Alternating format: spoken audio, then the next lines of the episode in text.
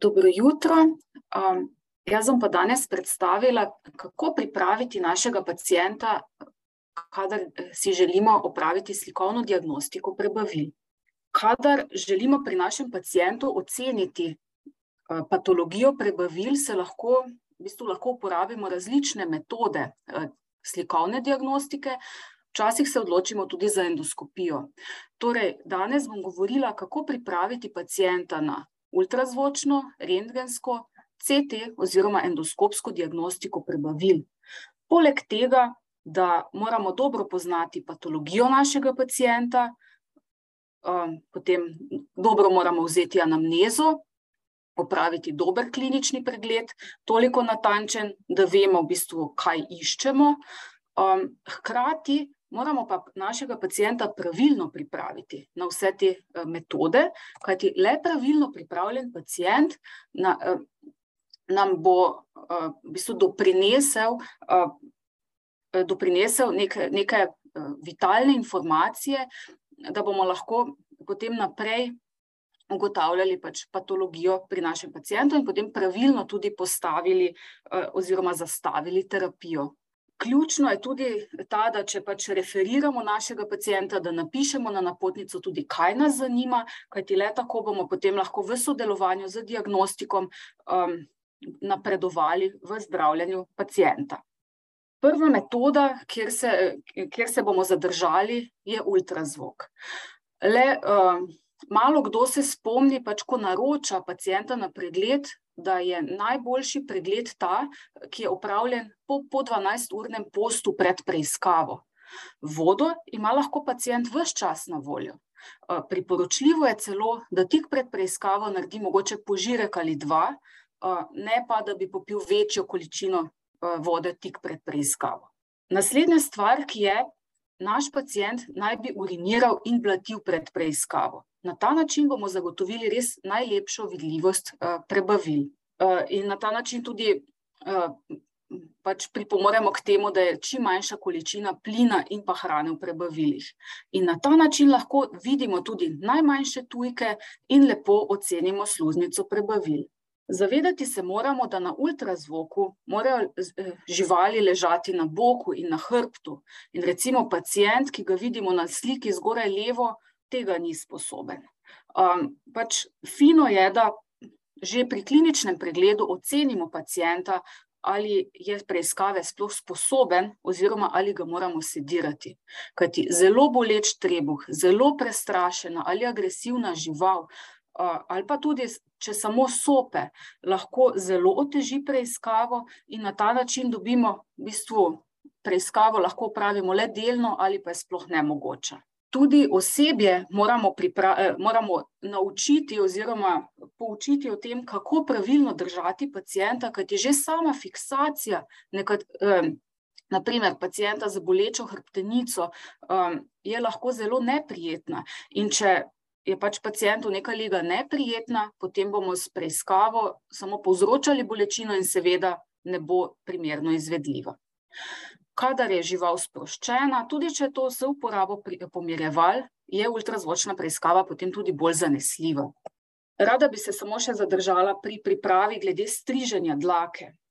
Včasih pobrijemo premalo, včasih pa tudi preveč, kajti recimo hipo, hipotiroidni pacijenti ali pa recimo tisti, ki imajo hipotrihijo zaradi različnih vzrokov, um, ne vem, če pacijenta pobrijemo na način, kot je prikazan zgore, potem vemo, da sploh po zimi ga bo zeblo, da bo dlaka uh, zelo težko zrasla nazaj, zato pač vedno presodimo, v kolikšnih mejah bomo pobrili. Ne preveč, hkrati pa tudi ne premalo, da si omogočimo preiskavo.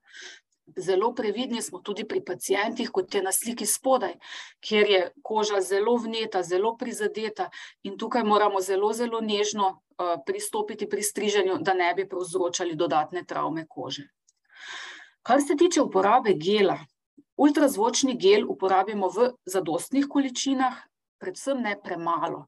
Kajti, če vrčujemo z gelom, um, lahko obsa, eh, med samo preiskavo povzročimo odrgnine kože, tako da tudi temu se skušamo izogniti.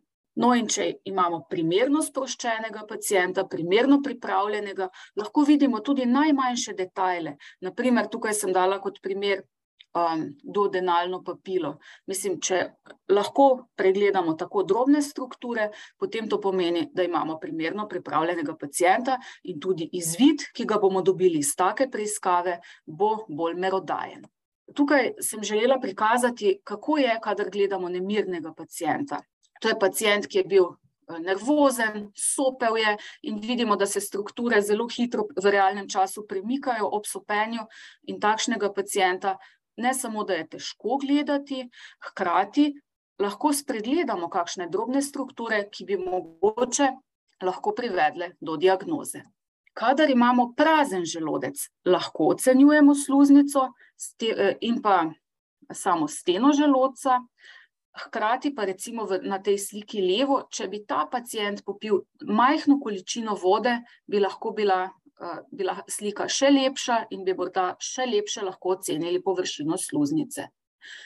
V primeru na desni strani, kjer pa je pacijent tik pred preiskavo pojedel svoj obrok, pa vidimo, da je neka strukturirana vsebina v želodcu, hkrati je v želodcu plin, In ta, takšno steno lahko vidimo le delno, ocenimo lahko le, ne vem, bomo rekli, tretjino ali pa morda polovico stene želodca, celotne, v celoti pa zagotovo ne. In takšna preiskava pri pacijentu na desni strani, naprimer, je lahko že omejena oziroma ima omejeno vrednost. No, v primeru, v primeru, kjer ga vidimo na sliki, smo lahko diagnosticirali tujek v želodcu, saj je bila žival relativno težka.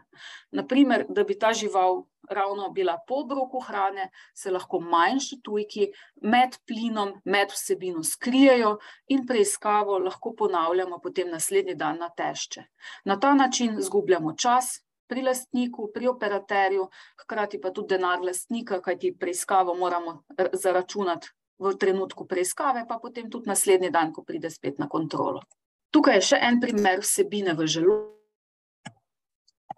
V nasprotnem primeru pa imamo včasih pri težkih živalih, eh, ki niso jedle, vendar imajo, um, vendar imajo težave, naprimer bruhajo, regurgitirajo, pa lahko pridemo tudi do takega stanja, ker je želodec dilatiran. Ampak če vemo, da je žival težka, potem tudi lažje postavimo diagnozo in ugotavljamo, ok, dilatiran želodec, morda paralitični ali pa kak funkcionalni ileus. Tudi v primeru polnega sečnega mehurja se nam črvesne vjuge lahko skrijejo za sečni mehur in je preiskava uh, manj zanesljiva. Kadar imamo vsebino v tankem črvesju, pa se vrši resorpcija eh, pač, eh, hranil in tudi v takem primeru pa potem ne moremo pravilno oceniti same sluznice. Naprimer, v tem primeru zdaj ne vemo, ali so limfne žile razširjene zaradi, same, eh, zaradi poteka prebave, oziroma ali je vzrok samo to, da so prebavila polna. Tako da težča žival nam da največ podatkov.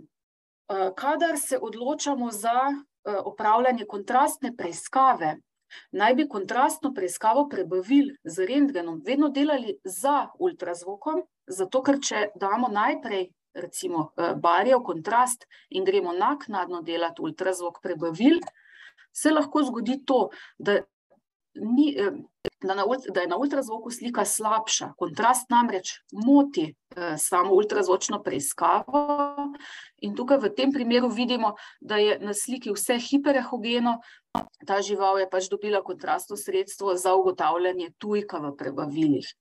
Polagam vam na srce, pač kadar se od, od, oziroma obstaja možnost, da bi za dajanjem kontrastnega sredstva bila potrebna ultrazvočna preiskava, dajte narediti eh, ultrazvočno preiskavo pred dajanjem kontrastnega sredstva.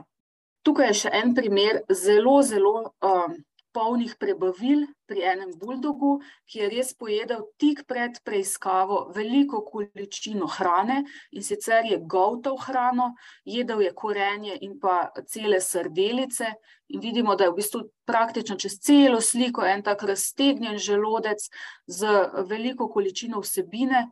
In recimo tudi pri takem pacijentu zelo težko ločimo, kaj je od tega tujek, kaj pa potem normalna hrana, ki pač je normalno prisotna in se bo prebavila. Plin v prebavilih nam tudi onemogoča ultrazvočno preiskavo. Um, plin, že majhne količine, povzroča efekt reverberacije, torej odboja, odboja ultrazvoka, in potem dobimo takšne žarke. In zaradi teh žarkov, uh, v bistvu vse, kar je za mehurčkom plina, uh, tega ne moremo oceniti. Naslednja stvar, vsebina v kolonu. Kadar pacijent ni prej blatil pred preiskavo, um, nam lahko že sama vsebina, plin ali pa pač normalno, normalen feces, uh, moti uh, vizualizacijo sluznice. In tukaj pač sluznica in pa, um, in pa sama stena sta vidni le delno. Tudi formirano blato v kolonu zelo moti pregled, tudi sečil, tudi os, uh, ostalih delov črevesja in pa težko ga potem ločimo od samega tujka v kolonu. Tako da res je fino, da je pacijent pred preiskavo blatil. Kadar pa delamo rentgen in pa je uh, preiskava elektivna, si spet želimo, da je pacijent izpraznil prebavila, da, je, uh, da 12 ur ni jedel. Um, In pa da nativni rentgen naredimo pred ultrazvočno preiskavo. Kajti tudi, če Ultrazvočno preiskavo naredimo pred rentgenom, dlako zmočimo in na ta način dobimo artefakte, ki jih potem teže interpretiramo. Hkrati pa, kadar dajemo kontrast, tisto pa moramo narediti po rentgenski preiskavi. Spet na rentgenu bo živali ležale na boku, na hrbtu in moramo v bistvu oceniti pacijenta, ali je sposoben take preiskave. Ali je sposoben, da mu bomo noge, da mu bomo noge raztegnili nazaj, da bo ležal na hrbtu, oziroma v takih primerih, kot je pač ta, primer, eh, ta mladič Vajmaranca tukaj, bomo dali pomirjevalo. No, in Rentgen nam pomaga tudi pač pri diagnosticiranju, predvsem pri diagnosticiranju tujkov, tudi v zgornjih prebavilih, pa tudi pač pri nekaterih patologijah, eh, požiralnika, um, diafragme, potem tujki, če so napolnjeni s plinom, če so uh, vidni z rentgenom, se nam bodo lepo vizualizirali. Hkrati pa pač, če pa, če pa pričakujemo veliko količino plina v prebavilih, ali pa smo se lotili najprej ultrazvočne preiskave, pa dobimo tako sliko, tukaj, kjer je velika količina plina, takrat se odločimo za preiskavo z rentgenom. Kajti zasuk želoca ultrazvočna je zelo nespecifičen. Na rentgenu pa dobimo tisto specifično sliko in potem zelo hitro pridemo do diagnoze moramo pa povdariti, da kadar gre za zasuk želoca, slikamo na desnem boku. Standardna projekcija je sicer na levem boku. Kadar ugotovimo ascites na rentgenu, potem vedno gremo čez delati še ultrazvočno preiskavo, kajti ascites na rentgenu nam povzroči izgubo seroznega detajla in v takem primeru vidimo zelo slabo ali nič, je rentgen manj izpoveden, medtem ko na ultrazvoku pač lahko ocenimo strukture, se še lepše vizualizirajo zaradi prisotnosti tekočine. Tudi pri mladičih, tam nekako do četrtega meseca, je v trebuhu uh, manjša količina intraabdominalne maščobe, uh, zaradi tega je manjši serozni detajl in je slika uh, zelo pač slabše izpovedna.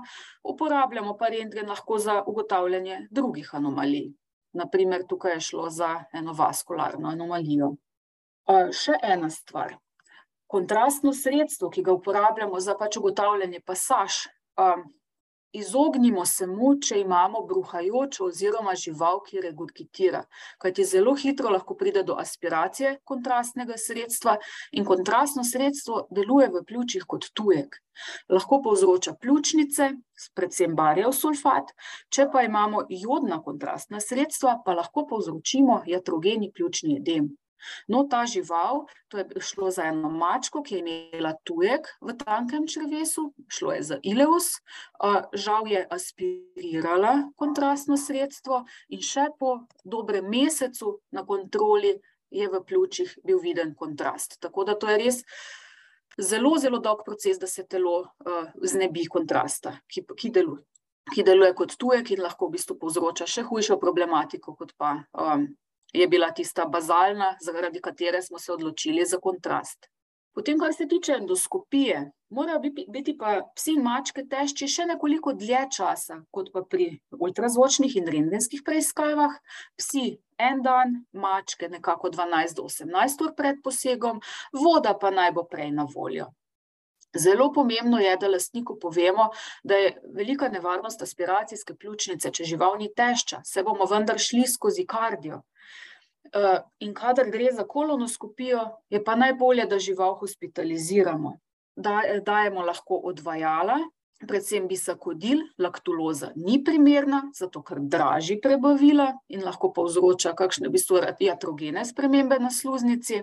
Vodo lahko dajemo tri ure pred posegom, klizma, klizme dajemo večkrat, vendar zadnjo, eh, najkasneje dve uri pred posegom. Pri mačkah smo pa pri klizmah zelo previdni, kajti že zaradi dajanja klizme lahko potem povzročimo bruhanje. Pacient mora biti seveda obvezno intubiran, ležati mora na boku in pa še nekaj. Barjevega sulfata ali pa sukralfata ne dajemo 24 ur pred posegom, pred endoskopijo. To pa zato, ker lahko s tem zadajanjem teh sredstev poškodujemo oziroma zamašimo delovni kanal endoskopa. Želimo si lep pregled sluznice, lepo vizualizacijo, ki pa um, pač želimo si videti zelo drobne strukture, morda drobne spremembe, erozije, ulceracije na sluznici. Če žival ni tešča, oziroma že majhna količina kakršne koli vsebine v prebavilih, nam pa lahko zelo zmoti vizualizacijo. Naprimer, um, pod to, uh, to zmesjo sline in pa prebavnih sokov, bomo zelo težko rekli, ali je prisoten ulkus ali ni. Potem recimo ta ulkus vidimo, ne vemo pa, kaj se dogaja naprimer v tem področju. Oziroma, čim je prisotna večja količina tekočine v želodcu, potem v bistvu dobimo eno tako jezerce, ki ga pa zelo težko potem eh, ocenimo. Naprimer, drobni tujki, tako kot je naprimer ta trnek v želodcu, so vidni samo zato, ker je žival tešča. Sicer uh, z endoskopom rodiš po vsebini in je to zelo težko. Uh, tudi ostanki hrane v želodcu so včasih, jih včasih težko ločimo od dejanskega tujka, tako da res v bistvu priporočimo lastniku, da ne bi denarja zapravljal za brezveze, da, da ne bi dali v anestezijo živali, ki, za katero ni potrebno, um, je boljše, da jo pripravimo prej. Kajti tudi, če je vsebina v želodcu, pa se mi lotimo spiranja želodca, želodca nikoli ne spraznimo na, do take mere, kot bi bil prazen, če bi bila žival tešča. Tudi Povečano izločanje sline zaradi slabosti nam lahko oteži vizualizacijo, in zaradi tega si želimo, da bi žival dobila antiemetike pred preiskavo, zato da pač se izognemo takim pogledom. Za kolonoskopijo je žival včasih še težje pripraviti. In take slike, naprimer, to je že relativno, bomo rekli, zmerno pripravljena žival, no, če bi se še bolj potrudili, potem bi pač se takim slikam izognili. Kajti tukaj je tudi spet težko rečeš, kaj je zdaj to, tukaj je trava, potem so dlake in za tem kosom fecesa, kdo ve, ali je kakšna večja sprememba ali ne. Kar se pa tiče same CT preiskave, si, eh, pa vemo, da so živali pač morajo imeti splošno anestezijo. Pri sami preiskavi moramo pričakovati, da bo žival šla v apnejo. To pomeni, da uh, skušamo zmanjšati, či, čim bolj zmanjšati pač to gibanje samih organov, da jih lepše lahko vizualiziramo. Žival je v sternalni legi in ko pripravimo pacijenta, trebuha nikoli ne podlagamo, kajti že samim podlaganjem trebuha se lahko zgodi, da bi pač eh, spremenili tisti fiziološki položaj organov. In CT je pa metoda, ki nam pomaga eh, pregledati del tankega črvesja, ampak tisti del, ki ni kolabiran. Za lepšo vizualizacijo lahko tudi apliciramo v želodec vodo po sondi, in na ta način dobimo v bistvu hidro-CT preiskavo, kjer lepše vizualiziramo eh, steno.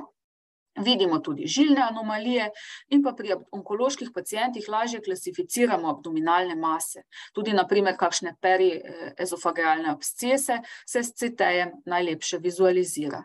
No, in potem so tukaj še primeri, da lahko v bistvu od zgornjih prebavil, od samega požiralnika eh, do želodca, eh, duodenuma, potem tudi naprej tankega in pa debelega črevesa, lahko zelo lepo vizualiziramo, hkrati vidimo pripadajoče bezgavke in pa pač morebitne mase, ki so lahko del samih prebavil ali pa tudi ne.